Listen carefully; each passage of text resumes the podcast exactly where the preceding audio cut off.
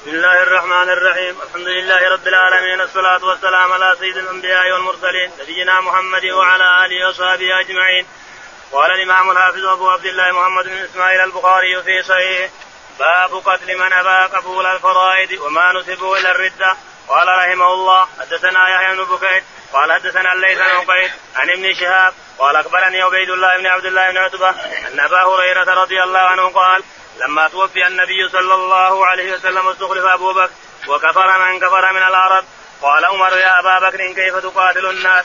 وقد قال رسول الله صلى الله عليه وسلم أمرت أن أقاتل الناس حتى يقولوا لا إله إلا الله. فمن قال لا إله إلا الله عصم مني ماله ونفسه إلا بحقه وحسابه على الله. قال أبو بكر رضي الله عنه والله لا والله لأقاتلن من فرق بين الصلاة والزكاة. فإن الزكاة حق المال والله لو منعوني عنها كانوا يؤدونها إلى رسول الله صلى الله عليه وسلم لقاتلتهم على منها قال عمر فوالله ما هو إلا أن رأيت إلا أن رأيت قد شرح الله صدر أبي بكر للقتال فعرفت أنه الحق. بسم الله الرحمن الرحيم الحمد لله رب العالمين وصلى الله على نبينا محمد وعلى آله وصحبه أجمعين. يقول الإمام الحافظ أبو عبد الله البخاري رحمه الله في صحيحه ونحن لا نزال في كتاب المرتدين كتاب المحاربين والمرتدين وأحكامهم وكيف يفعل بهم عند المسلمين. يقول رحمه الله باب باب من قتل باب قتل من أبى قبول الفرائض. باب قتل من أبى قبول الفرائض إنسان مثلا أسلم وقال أنا ما أصلي أنا أسلمت لكم أنا أسلمت بصير مسلم لكن صلاة ما أصلي صلي خمس الفرائض ما أصلي هذا يقتل على طول لأنه يعتبر مرتد. أسلم ثم يعتبر مرتد. حتى لو صلى استهزاء فإن نقتله. نقول خلاص صليت معناها أنك كفرت مسلم. أما أن تبقى على دين الإسلام ولا نقتلك فإذا أبى يقتل لأنه يصير مرتد. الشاهد أن كل من أبى أن يقبل الفرائض أو يقبل دين الإسلام فإنه يقتل. حتى لو أسلم ثم ارتد فإنه يقتل. أكبر جرم. نعم. وما نسب وما نسبوا إلى الردة. ومن ينسب إلى الردة يعني يقتلون. اللي ينسب إلى الردة ينسب إنه ارتد يقتل. اللي يجينا إنسان أسلم ثم يقال إنه ارتد ثم يجينا هنا نقتله إلا إن إن تاب ورجع إلى الإسلام. نعم. قال حدثنا يحيى بن بكير. يقول البخاري رحمه الله حدثنا يحيى بن بكير قال حدثنا الليث. الليث بن سعد. قال حدثنا عقيل. عقيل قال عن ابن شهاب. عن ابن شهاب الزهري قال قال أخبرني عبيد الله بن عبد الله بن قال أخبرنا عبيد الله بن عتبة بن مسعود أن أبا هريرة رضي الله عنه قال عن أبي هريرة رضي الله تعالى عنه أن النبي عليه السلام لما توفي النبي عليه الصلاة والسلام واستخلف أبو بكر الصديق رضي الله تعالى عنه فإن الناس ارتدوا قالوا إحنا نؤمن بالرسول. أما هذا فهو بشر مثلنا ما نؤمن به ولا نعطيه زكاتنا ولا يعترف به. الرسول صفوة خلق نعم. لكن هذا واحد منا كيف فأرسل جيوش يقاتلونهم في اليمامة وغيرها. فقال عمر كيف تقاتل من يقول لا إله إلا الله؟ الرسول عليه الصلاة والسلام قال أمرت أن أقاتل الناس حتى يقولوا لا إله إلا الله. ومن قال فقد عصم مني دماء. قال والله لو لو لو, لو قاتلن من فرق بين الصلاة والله لو قاتلن من فرق بين الصلاة والزكاة. والله لو منعوني عناقا يعني السخله الصغيره سخله الصغيرة. لو منعوني عناقا كانوا يؤدونها إلى الرسول عليه زكاة فقتلتهم عليها. يقول عمر فلما راى إلا أن الله شرح صدر أبي بكر للقتال. أرسل الناس حتى خضعوا خضع أهل الامامه وغيرهم. خضعوا للإسلام. نعم. قال عمر فوالله ما هو إلا أن رأيت قد شرح الله قد شرح صدر أبي بكر للقتال فعرفت أنه الحق. فعرفت أنه الحق يقول عمر شرح الله صدر ابي بكر للقتال فعرفت أنه الحق لا شك. لولا الله تعالى ثم الجيوش اللي خرجت بعد موت الرسول ارتد الناس كلهم كل العالم ارتد لكن لما خرجت الجيوش من المدينة خافوا خافوا وبقوا على اسلامهم نعم. باب إذا عرض الذمي وغيره بسب النبي صلى الله عليه وسلم ولم يسره نحو قوله السلام عليك قال رحمه الله حدثنا محمد بن مقاتل أبو الحسن قال أخبرنا عبد الله قال أخبرنا شوبة عن هشام بن زيد بن أنس قال سمعت أنس بن مالك يقول مر يهودي برسول الله صلى الله عليه وسلم فقال السلام عليك. فقال رسول الله صلى الله عليه وسلم عليك. فقال رسول الله صلى الله عليه وسلم تدرون ما يقول؟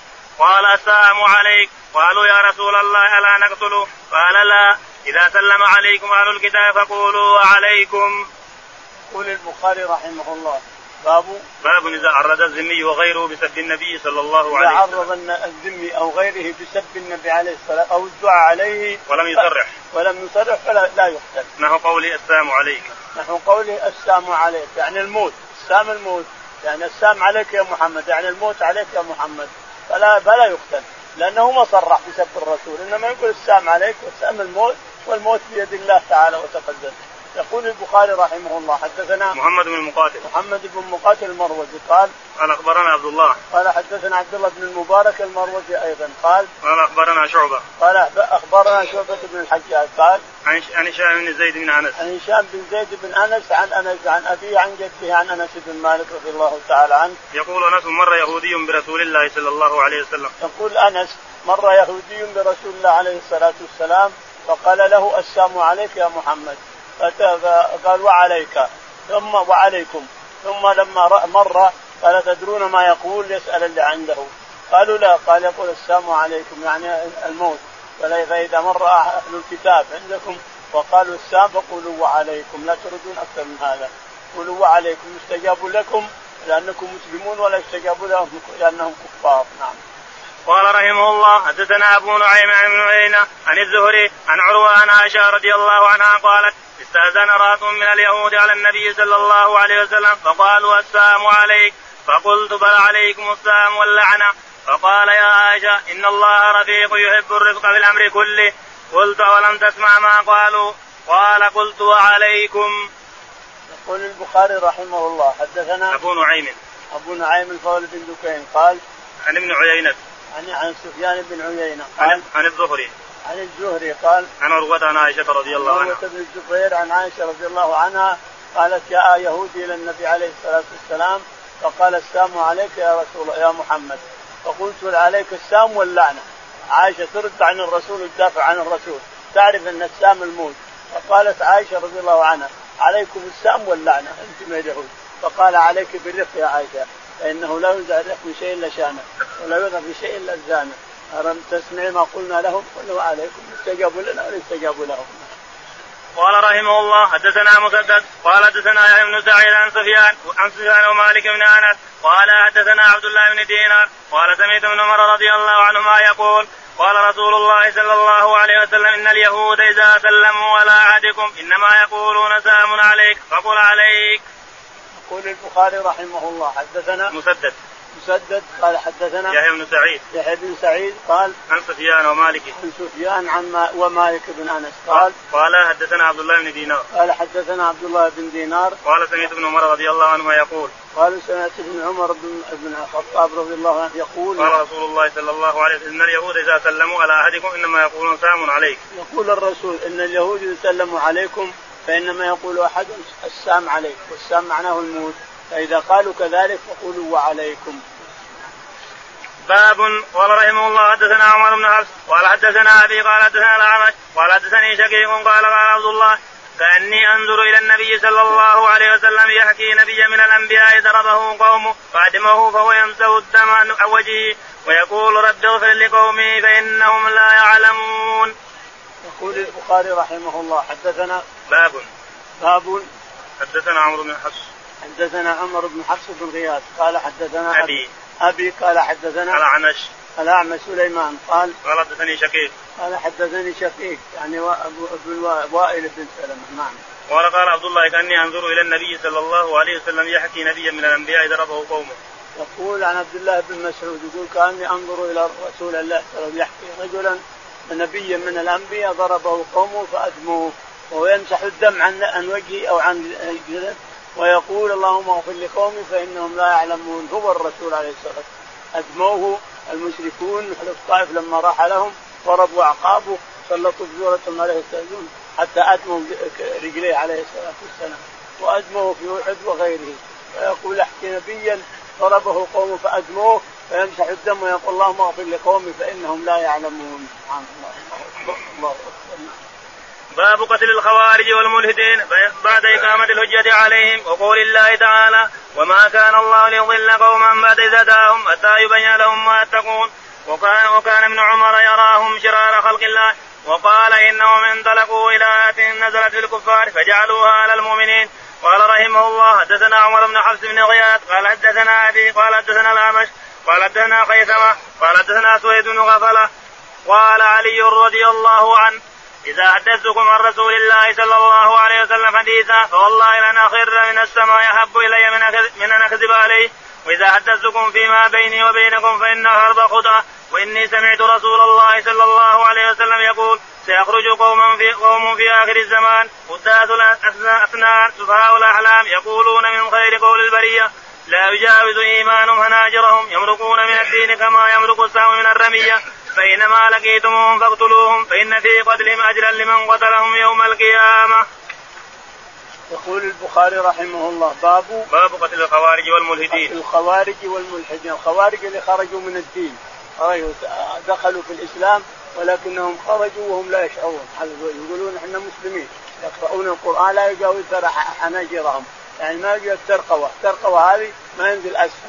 يوقف هنا. يقرأ القرآن يوقف بحلقه هنا. ما ينزل إلى حلق إلى أسفل. ما ما يتجاوز الترقوه هذه الترقوتين ما يجاوزها تحت. يوقف هنا. المؤمن إذا قرأ القرآن نزل من الترقوتين على قلبه. هذول لا. يوقف هنا ما ينزل. يطلع برا. المهم يقول حدثنا بعد إقامة الحجة عليهم. بعد يقتلون بعد إقامة الحجة عليهم. الخوارج يقتلون بعد إقامة الحجة عليهم. وقول الله تعالى وما كان الله ليضل قوما بعد إذ هداهم. وقول الله تعالى وما كان الله ليضل قوما بعد إذ هداهم. حتى يبين لهم ما حتى يبين لهم ما يتقون. يعني هداهم الله ثم أضلهم لابد بعد ضلالهم يبين لهم ما يتقون لعلهم يرجعون. نعم. وكان ابن عمر يراهم شرار خلق الله. وكان ابن عمر يرى الخوارج من شرار خلق الله. لا شك أنهم شرار لأنهم تاولون الآيات التي نزلت بالكفار يجعلون في المؤمنين. ويقتلون المؤمنين ويتركون الكفار. يتركون الكفار ويقتلون المؤمنين. نعم. قال حدثنا عمر بن حفص بن غياث. يقول حدثنا عمر بن حفص بن غياث عن أبيه غياث قال قال حدثنا الأعمش. قال حدثنا الأعمش. قال حدثنا الخيثمة. قال حدثنا خيثمة. قال قال حدثنا سويد بن غفلة. وسويد بن غفلة قال قال علي رضي الله عنه إذا حدثتكم عن رسول الله صلى الله عليه وسلم حديثا فوالله لن اخر من السماء أحب إلي من أن اكذب عليه. يقول علي رضي الله عنه سويد بن غفله يحكي عن علي رضي الله عنه. يقول إن عليا يقول للناس إذا حدثتكم عن رسول الله حديثا عن رسول الله عليه الصلاة والسلام فلن اخر من السماء أقع من السماء أحب إلي من أكذب على رسول الله. وإذا حدثتكم حديثا عني أنا فالحرب خدعه أقول لكم أشياء لأني أغيبها عن عن عنكم وعن غيركم. لكن الحرب خدعه ما ابين سري للناس لأنك لا بين سرك ما ما صح هناك سر نعم. وإني سمعت رسول الله صلى الله عليه وسلم يقول سيخرج قوم في آخر الزمان. إني سمعت رسول الله عليه الصلاة يقول يخرج قوم في آخر الزمان. حداث الأسنان. حداث حداث الأسنان يعني شباب. حداث الاسنان سفهاء سفهاء الاحلام يعني العقول سفهاء نعم. يقولون من من خير قول البرية. يقولون من خير قول البرية نعم. لا يجاوز إيمانهم حناجرهم لا يجاوزون إيمانهم الحنجرة ما يجاوز الحناجر ما ينزل اسفل نعم يمرقون من الدين كما يمرق السهم من الرمية. يمرقون من الدين كما يمرق السهم من الرمية. السهم من الرمية ذاك القوس. القوس عندهم هو هو السلاح. إذا كان بعيد الحرب بعيد فالسلاح القوس. وإذا كان قريب فالسيف أو الرمح لا مثل اليوم. اليوم السيف والرمح ولكن بعيد الرصاصة البندق تضربها. فالسهم مثل الرصاصة ينطلق من في مصير مصير حاطينه معدل للقتال وفيه خرق فيمسك جذع السهم ثم يجر كذا ثم يفلته. إذا أفلته يضرب اللي قدامه آدمي ولا حيوان ولا اللي يكون. يضرب القدام ثم يخرج قبل أن يخرج الدم. تعالى الله. من القوة من قوه الرمية. يضرب ثم يخرج السهم كله والدم ما طلع. إلى الآن من سرعة الضربة وشدة الضرب. مثل الرصاصة اليوم؟ بندق. إذا أطلقت الرصاصة إلا ان الرصاصه نار تحرق تحرق النار تخرج الجلد وتحرق النار وترمي السهم إذا ضرب الآدمي أو ضرب الحيوان أو ضرب الطير أو ضرب أي شيء يموت بإذن الله. مثل الرصاصة اليوم اللي تضرب شيء يموت بإذن الله. الشاهد أن السهم هو سلاح العرب سابقا يقاتلون فيه. فيمثل الرسول عليه الصلاة والسلام. خروجهم من الإيمان مثل خروج السهم من الرمية. يسقط الدم. فأينما لقيتم فاقتلوهم. فأينما لقيتم فاقتلوهم فإن في قتلهم اجرا عند الله نعم. قال رحمه الله حدثنا محمد بن المثنى قال حدثنا عبد الوهاب قال سميت يا ابن سعيد قال أخبرني محمد بن إبراهيم عن أبي سلمة وعطاء بن يسار انهما اتيا أبا سعيد الخدري فسأله عن الحرورية فسمعت النبي صلى الله عليه وسلم قال لا أدري ما الحرورية سمعت النبي صلى الله عليه وسلم يقول يخرج في هذه الأمة ولم يقل منها قوم تاكلون صلاتكم مع صلاتهم يقرؤون القرآن لا يجاوز هلوكهم أو حناجرهم يمرقون من الدين مروق السام من الرمية. فينظر الرامي إلى سامه إلى نصله إلى رصافه فيتمارى في الفوقة هل عليك بها من الدم شيء؟ يقول البخاري رحمه الله حدثنا محمد بن المثنى. محمد بن المثنى الزمن المقعد.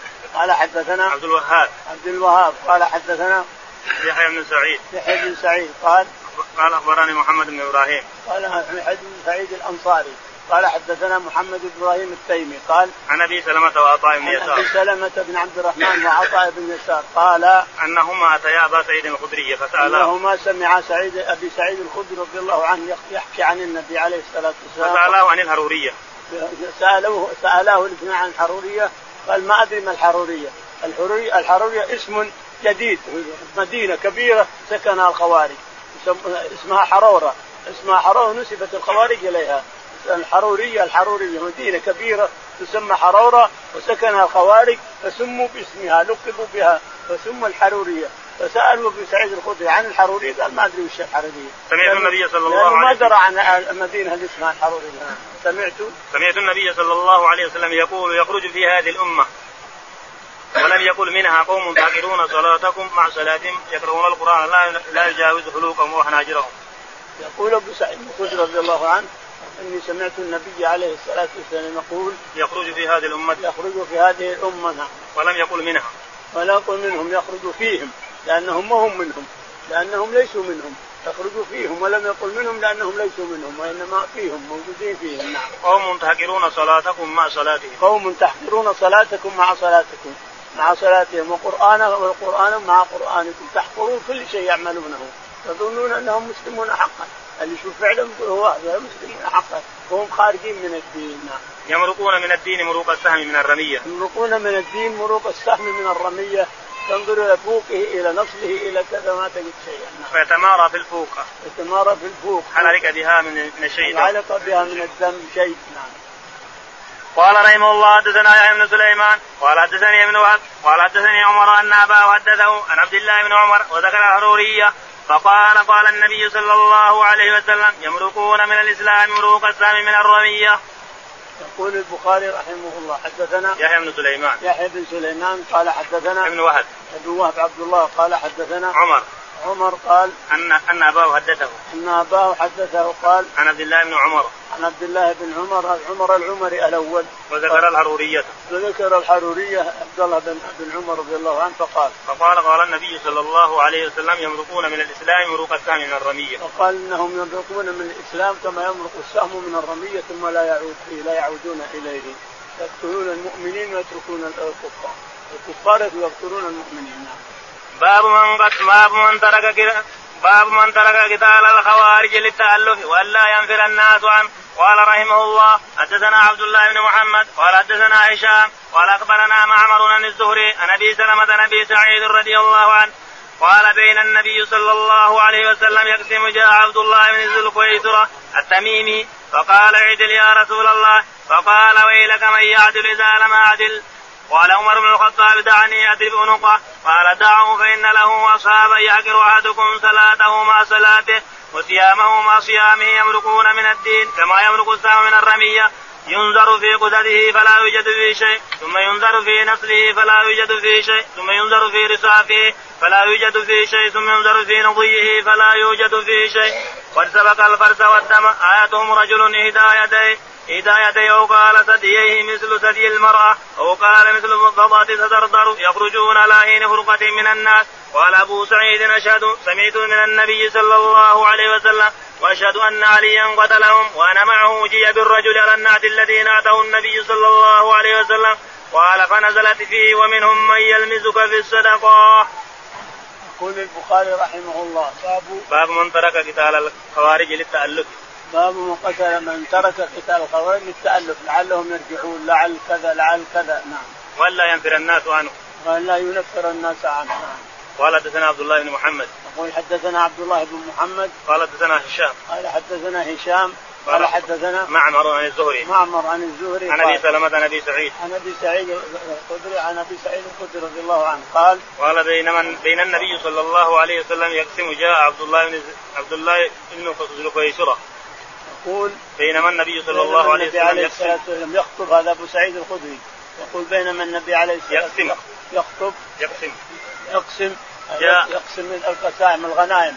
جاء رجل يسمى عبد الله بن عبد الله بن ذي القيسره عبد الله بن الخويصر التميمي. التميمي. فقال اعدل يا رسول الله. فقال اعدل يا رسول الله. فقال ويلك أو ويحك. إذا لم أعدل من يعدل؟ ويحك. قال عمر دعني أضرب عنقه يا رسول الله. قال لا دعوا هذا. فإن له أتباع يخرجون من الإسلام يمرقون يحقر يحقر أحدكم صلاته مع صلاته. يحقر أحدكم صلاته مع صلاته. وصيامه مع صيامه. وصيامه مع صيامهم. يمرقون من الدين كما يمرق السهم من الرمية. من الدين كما يمرق السهم من الرمية.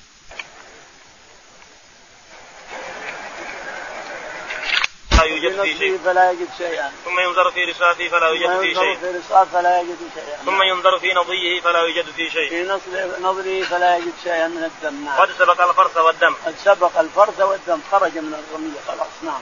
آيتهم رجل إهدى يديه أو قال ثدييه مثل ثدي المرأة. آيتهم يعني علامتهم رجل إحدى يديه أو قال إحدى ثدييه من ثدي المرأة. نفس عليه شعرات أو قال مثل البضع. وقال مثل القطع. تدردروا. تدردر تدردر كأنها حبحبة فوق ظهره. يخرجون على حين فرقة من الناس. يخرجون على حين فرقة من الناس. يعني المسلمين متفرقين. علي يقاتل أهل الشام ومعاوية يقاتل أهل العراق. متفرقين المسلمين على فرقة من الناس. يعني علي مع العراق ومعاوية مع الشام ويتقاتلون القبيلة الإقليمين. هذا مع هذا وهذا مع هذا.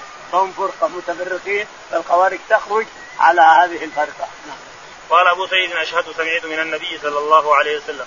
يقول أبو سعيد أشهد سمعته من النبي عليه الصلاة والسلام نعم. وأشهد أن عليا قتلهم وأنا معه. يقول سعيد وأشهد أن علي رضي الله قتل الخوارج وأنا معه قاتل جيء بالرجل على النعت الذي نعته النبي صلى الله عليه وسلم. فوجدنا الرجل على النعت الذي نعت الرسول عليه أن في زيت مثل زيت المرأة يتدحدر كأنه اسرجه نعم. قال فنزلت فيه ومنهم من يلمزك في الصدقات. قال نزلت فيهم ومنهم من يلمزك في الصدقات يعني الخوارج. وعلى هذا أنهم موجودين على وقت الرسول.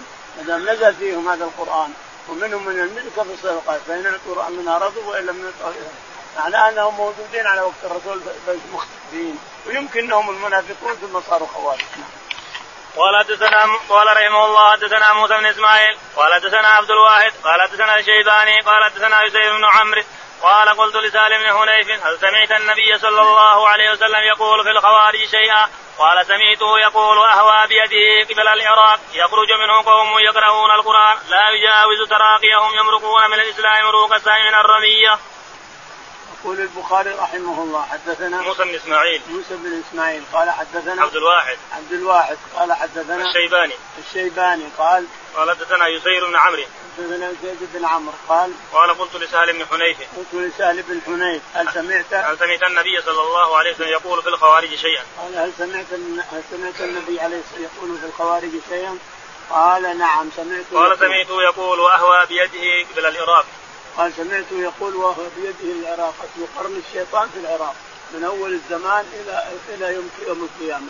العراق اللي تظهر منه فتن بإذن الله. العراق هذا شر في شر وتظهر منه جميع الفتن تظهر من العراق. يخرج منه قوم يقرؤون القرآن لا يجاوز تراقيهم. يخرج منه قوم لا يقرؤون القرآن لا يجاوز الترقة الترقة هذه وهذه ما ينزل إلى أسفل.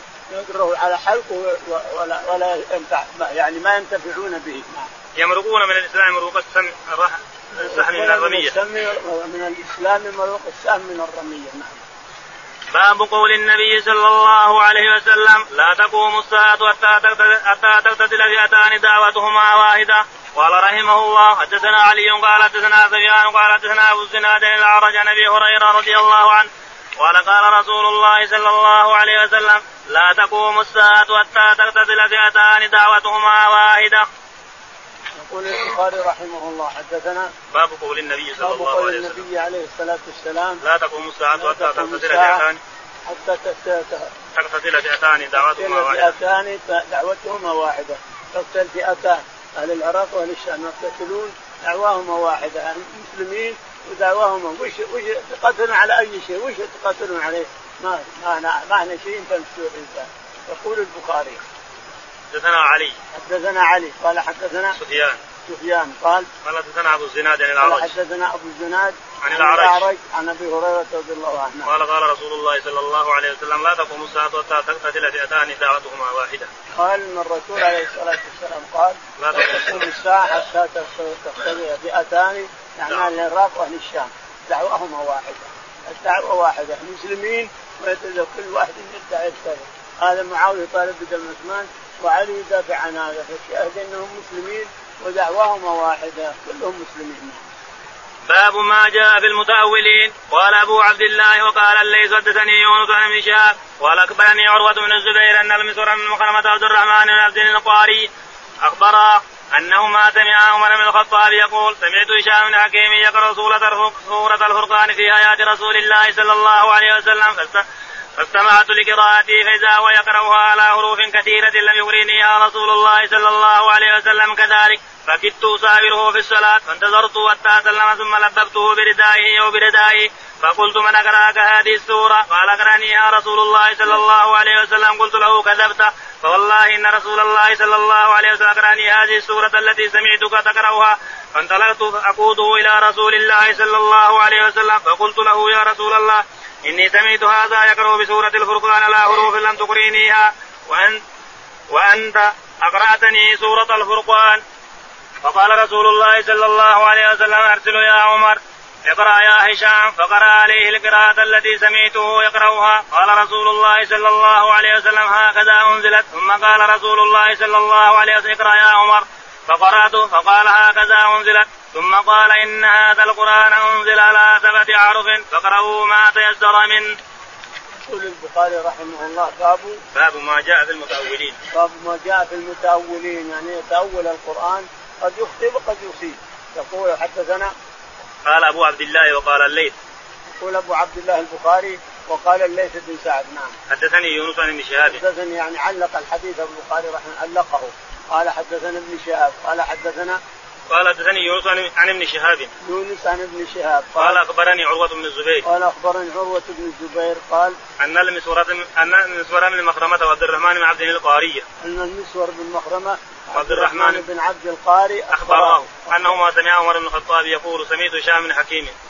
يقول يقولان إنه قال عمر بن الخطاب رضي الله عنه سمعت هشام بن حكيم يقرأ سورة القران في حياة رسول الله صلى الله عليه وسلم. يقرا سورة القرآن غير القراءة التي قرانا فاستمعت لقراءته فإذا هو يقرأها على حروف كثيرة لم لم يغرينيها رسول الله رسول الله صلى الله عليه وسلم. يقول إني سمعت يقرأ الفرقان سورة الفرقان على حروف فلم يقرأ أنا الرسول عليه. وكنت أساوره بالصلاة. فتركته حتى صلى. لما صلى يقول لببته بثوبه ثم جئت أجره إلى الرسول عليه الصلاة والسلام. فقلت يا رسول الله إن هذا هشام بن حكيم قرأ سورة الفرقان غير القراءة اللي أخطأتنيها. قال أرسله يا عمر. فأرسله عمر. قال اقرأ يا هشام. فقرأ هشام القراءة اللي سمعتها يقول عمر فقرأ هشام القراءة اللي سمعتها. ثم قال هكذا أنزلت. قال الرسول عليه الصلاة والسلام هكذا أنزلت. اقرأ يا عمر. فقرأ يقول فقرأت القراءة الذي أقرأني الرسول عليه الصلاة والسلام. فقال هكذا أنزلت. إن القرآن نزل على سبعة أحرف يعني سبع لهجات وسبع كلمات وسبع لك ان تقول هلم تعال اجري روح.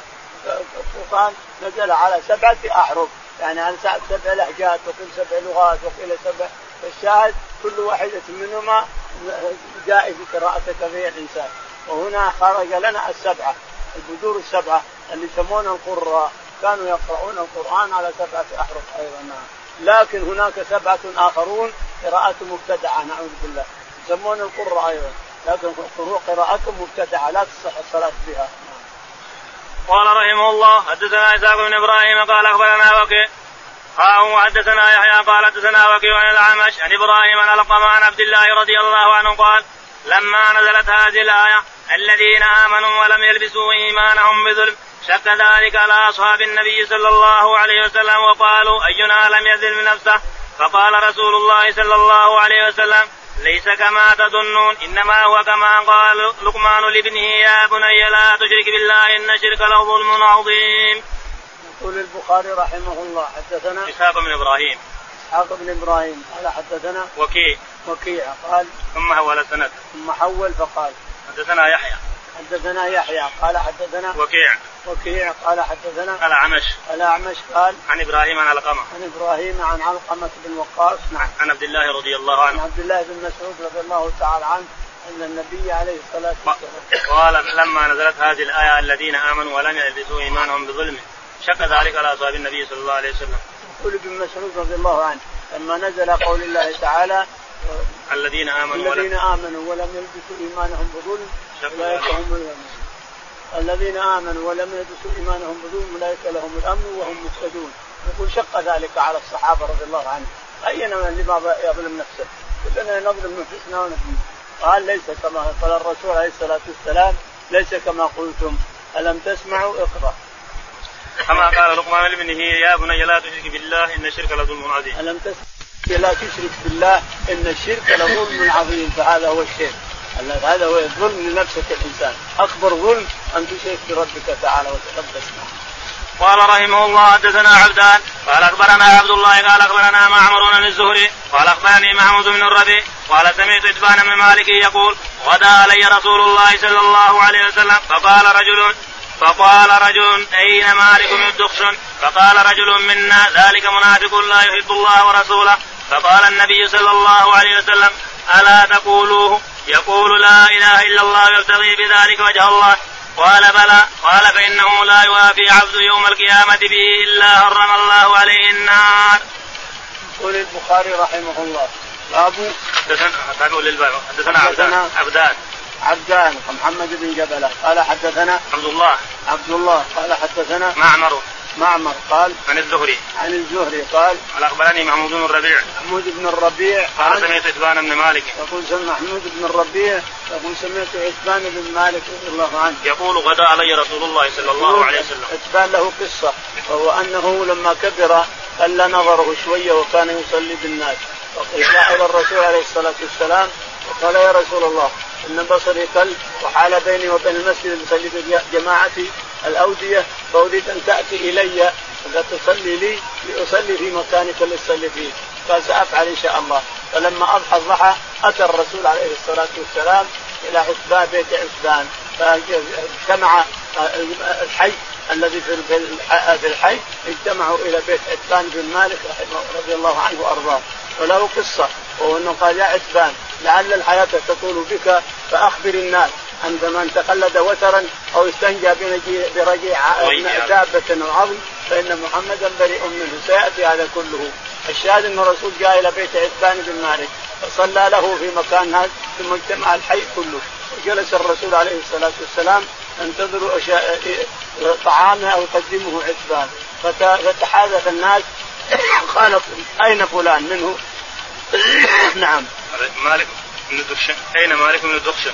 أين مالك بن الدخشم؟ فقال واحد الحاضرين إنه منافق لا يحب لا يحب الله ورسوله. قال لا يحب الله ورسوله. قال الرسول قال النبي ألا تقولوه؟ نعم. ألا تقولوه؟ يقول لا إله إلا الله يبتغي بذلك وجه الله. قال له الرسول ألا تراه يقول لا إله إلا الله يبتغي بذلك وجه الله؟ قال بلى. قال بلى. قال بلى. قال قال فإنه لا يوافي عبد يوم القيامة به إلا حرم الله عليه النار. يقول الرسول إنه لا يوفي عبد في لا إله إلا الله إلا حرم الله على وجهه النار. هذا الحمد لله لا يوافي عبد في لا إله إلا الله إلا حرم الله عليه النار. وفي الحديث ما يؤكد هذا وهو قل من مات ومن كان آخر كلامه لا إله إلا الله دخل الجنة. من كان آخر كلامه آخر كلمة تكلم بها ثم مات لا إله إلا الله دخل الجنة. قال رحمه الله حدثنا موسى بن إسماعيل قال قال حدثنا أبو عوان عن حسين عن فلان قال تنازع أبو عبد الرحمن وحبان بن عطية فقال أبو عبد الرحمن لحبان لقد علمت الذي جرى صاحبك على الدماء يعني عليا قال ما هو؟ لا أبا لك. قال شيء سمعته يقوله. قال ما هو؟ قال بعثني رسول الله صلى الله عليه وسلم والزبير وأبا مرثد وكلنا فارس. قال انطلقوا حتى تاتوا روضة حاج. قال أبو سلمة هكذا. قال أبو أمانة حاج. فإن فيها امرأة معها صحيفة من من هاتف بن ابي بلتاء إلى المشركين فأتوني. فانطلقنا على فراتنا حتى أدركناها حيث قال لنا رسول الله صلى الله عليه وسلم تصير على بعير لها وكان كتب إلى أهل مكة بمصير رسول الله صلى الله عليه وسلم إليهم. فقلنا أين الكتاب الذي معك؟ قالت ما معي كتاب. فنهنا بها بعيرها فابتغينا في رحلها فما وجدنا شيئا. فقال صاحبي ما نرى معها كتابا. قال فقلت لقد علم لقد علمنا ما كتب رسول الله صلى الله عليه وسلم ثم علف علي والذي يهلك به. لتخرجن الكتاب أو لأجردنك. فعوت إلى هجتها وهي مهتجزة بكساء فأخرجت الصحيفة فأتوا بها رسول الله صلى الله عليه وسلم. فقال عمر يا رسول الله قد خان الله ورسوله والمؤمنين دعني. دعني فاضرب عنقه فقال رسول الله صلى الله عليه وسلم يا حاطب ما حملك على ما صنعت؟ قال يا رسول الله ما لي ألا أكون مؤمنا بالله ورسوله ولكني أردت أن يكون لي عند القوم يد يدفع بها عن أهلي يدفع بها عن أهلي ومالي وليس من أصحابك احد إلا له هنالك من قومه من يدفع الله به عن أهلي ومالي. قال صدق لا تقولوا له إلا خيرا. قال فعاد عمر فقال يا رسول الله قد خان الله ورسوله والمؤمنين دعني فلا اضرب عنقه. قال وليس من أهل بدر؟ وما يدريك لعل الله اطلع عليهم. فقال اعملوا ما شئتم فقد أوجبت لكم الجنة. فغرورقت عيناه فقال الله ورسوله أعلم. قال أبو عبد الله خاك أصح ولكن كذلك قال أبو عوان حاج وحاج تصحيف وهو موضع وهشيم يقول خاك. يقول البخاري رحمه الله باب تابع للباب. تابع حدثنا موسى بن إسماعيل. موسى بن إسماعيل قال حدثنا أبو عوانة. أبو عوان الوضاح قال حدثنا حسين. حسين قال حدثنا عن فلان. عن عن فلان. فلان قال قال تنازع أبو عبد الرحمن وحبان بن عطية. قال تنازع أبو عبد الرحمن وحبان بن عطية. فقال أبو عبد الرحمن لحبان لقد علمت الذي جراء صاحبك. قال أبو عبد الرحمن التميمي هذا يبغض علي. علي فقال قد علمت قد علمت الذي جراء صاحبك على الدماء الذي جرأ صاحبك يعني علي بن أبي طالب رضي الله عنه. قال ما هو؟ ما هو لا أبا لك. قال شيء سمعته يقول. قال ما هو لا أبا لك؟ قال سمعت شيئا يقوله. نعم. قال ما هو؟ قال بعثني رسول الله صلى الله عليه وسلم والزبير وأبا مرتد وكلنا فارس. قال انطلقوا حتى تأتوا روضة خاك يقول علي رضي يقول الرجل إن علي رضي الله عنه يحكي يقول بعثني الرسول عليه الصلاة والسلام أنا والمقداد بن الأسود الكندي والزبير بن العوام على خيلنا نعدو لناتي من كتاب من جاري من حرمة اخذت خطاب من بلدة من حاطب بن أبي بلتعه قال تجدونها في روضة خاف، روضة خاف مشهورة إلى يومنا هذا. في الحرة عندنا تجد الإنسان على طريق المدينة يريد الحرة وتطلع على وادي الصفر وتطلع على على الجحفة على هذا الطريق. معروف اليوم هذا. خاف خاف روضة خاف موجودة اليوم. هي روضة بعيدة بين الحرة. روضة فيها عشب ينبت المطر يجتمع الماء يشربون الناس منها وفيها عشب إلى الآن موجودة. روضة خاخ تسمى. في وسط الحرة في وسط الحرة على طريق طالع على بئر الماشي طالع على وادي الصفر على على الجحفه الإنسان. أو تطلع على واد على واد آخر أيضا وتطلع عليه. الشاهد إنها معروفة. روضه خاخ بالخاء ليس أقول فانطلقنا. تعدي بنا خيلنا. حتى وصلنا روضة خاف ووجدنا الضعينة يعني المرأة وجدناها على جمل تمشي. فقلنا رسل على رسلك فوقفت. قلنا أعطينا الكتاب اللي معك من حاطب بن قالت ما معي كتاب. أعطينا. قالت لا. فبركنا بعيرها. ثم قال انزلي. فنزلت ففتشنا عرشها ما لقينا شيء. فقال علي رضي الله عنه والله لتطلعن الكتاب أو لاجردنك عريك فقالت صدوا. فصدوا فأخرجت الكتاب من الضفائر. من ضفائر شعرها حطت الخطاب. بضفائر الشعر وجابتنا عليه الشعر. ثلاثة كذا كذا جدت عليها علشان ما يغطى فأعطتهم الخطاب. فجاءوا إلى النبي عليه الصلاة والسلام فلما قرأه قال ما حملك يا حاضر قال يا رسول الله والله ما ارتدت عن الإسلام ولكن قومك كلهم لهم أصحاب. هذا متى؟ هذا الرسول عليه الصلاة والسلام يريد أن يفتح مكة. أمره الله تعالى عام ثمان أن يريد أن يفتح مكة. فطلب من الله تعالى وتقدس أن يعمي الأخبار عن قريش يعني يأتيهم مغفر أن يعمي جميع الأخبار وجميع شيء أن يعمي عن قريش. فكتب حاطب في هذه الحالة في هذه الحالة في دعوة الرسول له. الشاهد أنه قال ليش عملت هذا؟ قال كل أصحابك لهم أهل ومال ولهم أصحاب يحمون أولادهم وأنا لي أولاد هناك صغار ولا لهم من يحميني. فكتبت لفلان بن فلان وفلان بن فلان يحمون لأن الجيش اللي يدخل مكة سيطع مكة. يمكن يطع مكة روحي هذا على كذا كذا. قالوا قال الرسول لقد صدق هذا. قال عمر دعني يا رسول الله اضرب عنقه فإنه منافق. قال قال إنه صدقك. ثم قال دعني يا رسول الله. فإنه منافق. قال الرسول لعمر أتدري أنه حضر بدرا. وقد اطلع ربنا على بدر. وقال اعملوا ما شئتم فقد غفرت لكم. فبكى عمر رضي الله عنه. دمعت عيناه. نعم. قال أبو عبد الله خاخ أصح. خاخي خاخي إلى الآن معروف الخاخ. ولكن كذلك قال أبو عوانة حاجي أبو عوانة غلطان وحاجم تصحيح وهو موجود. تصحيح لا شك أبو عوانة. كتاب بسم الله الرحمن الرحيم. كتاب. اللهم اهدنا فيمن هديت وعافنا فيمن عافيت تولنا فيمن توليت. اللهم توفنا مسلمين والحقنا بالصالحين. يا رب العالمين. على كل شيء.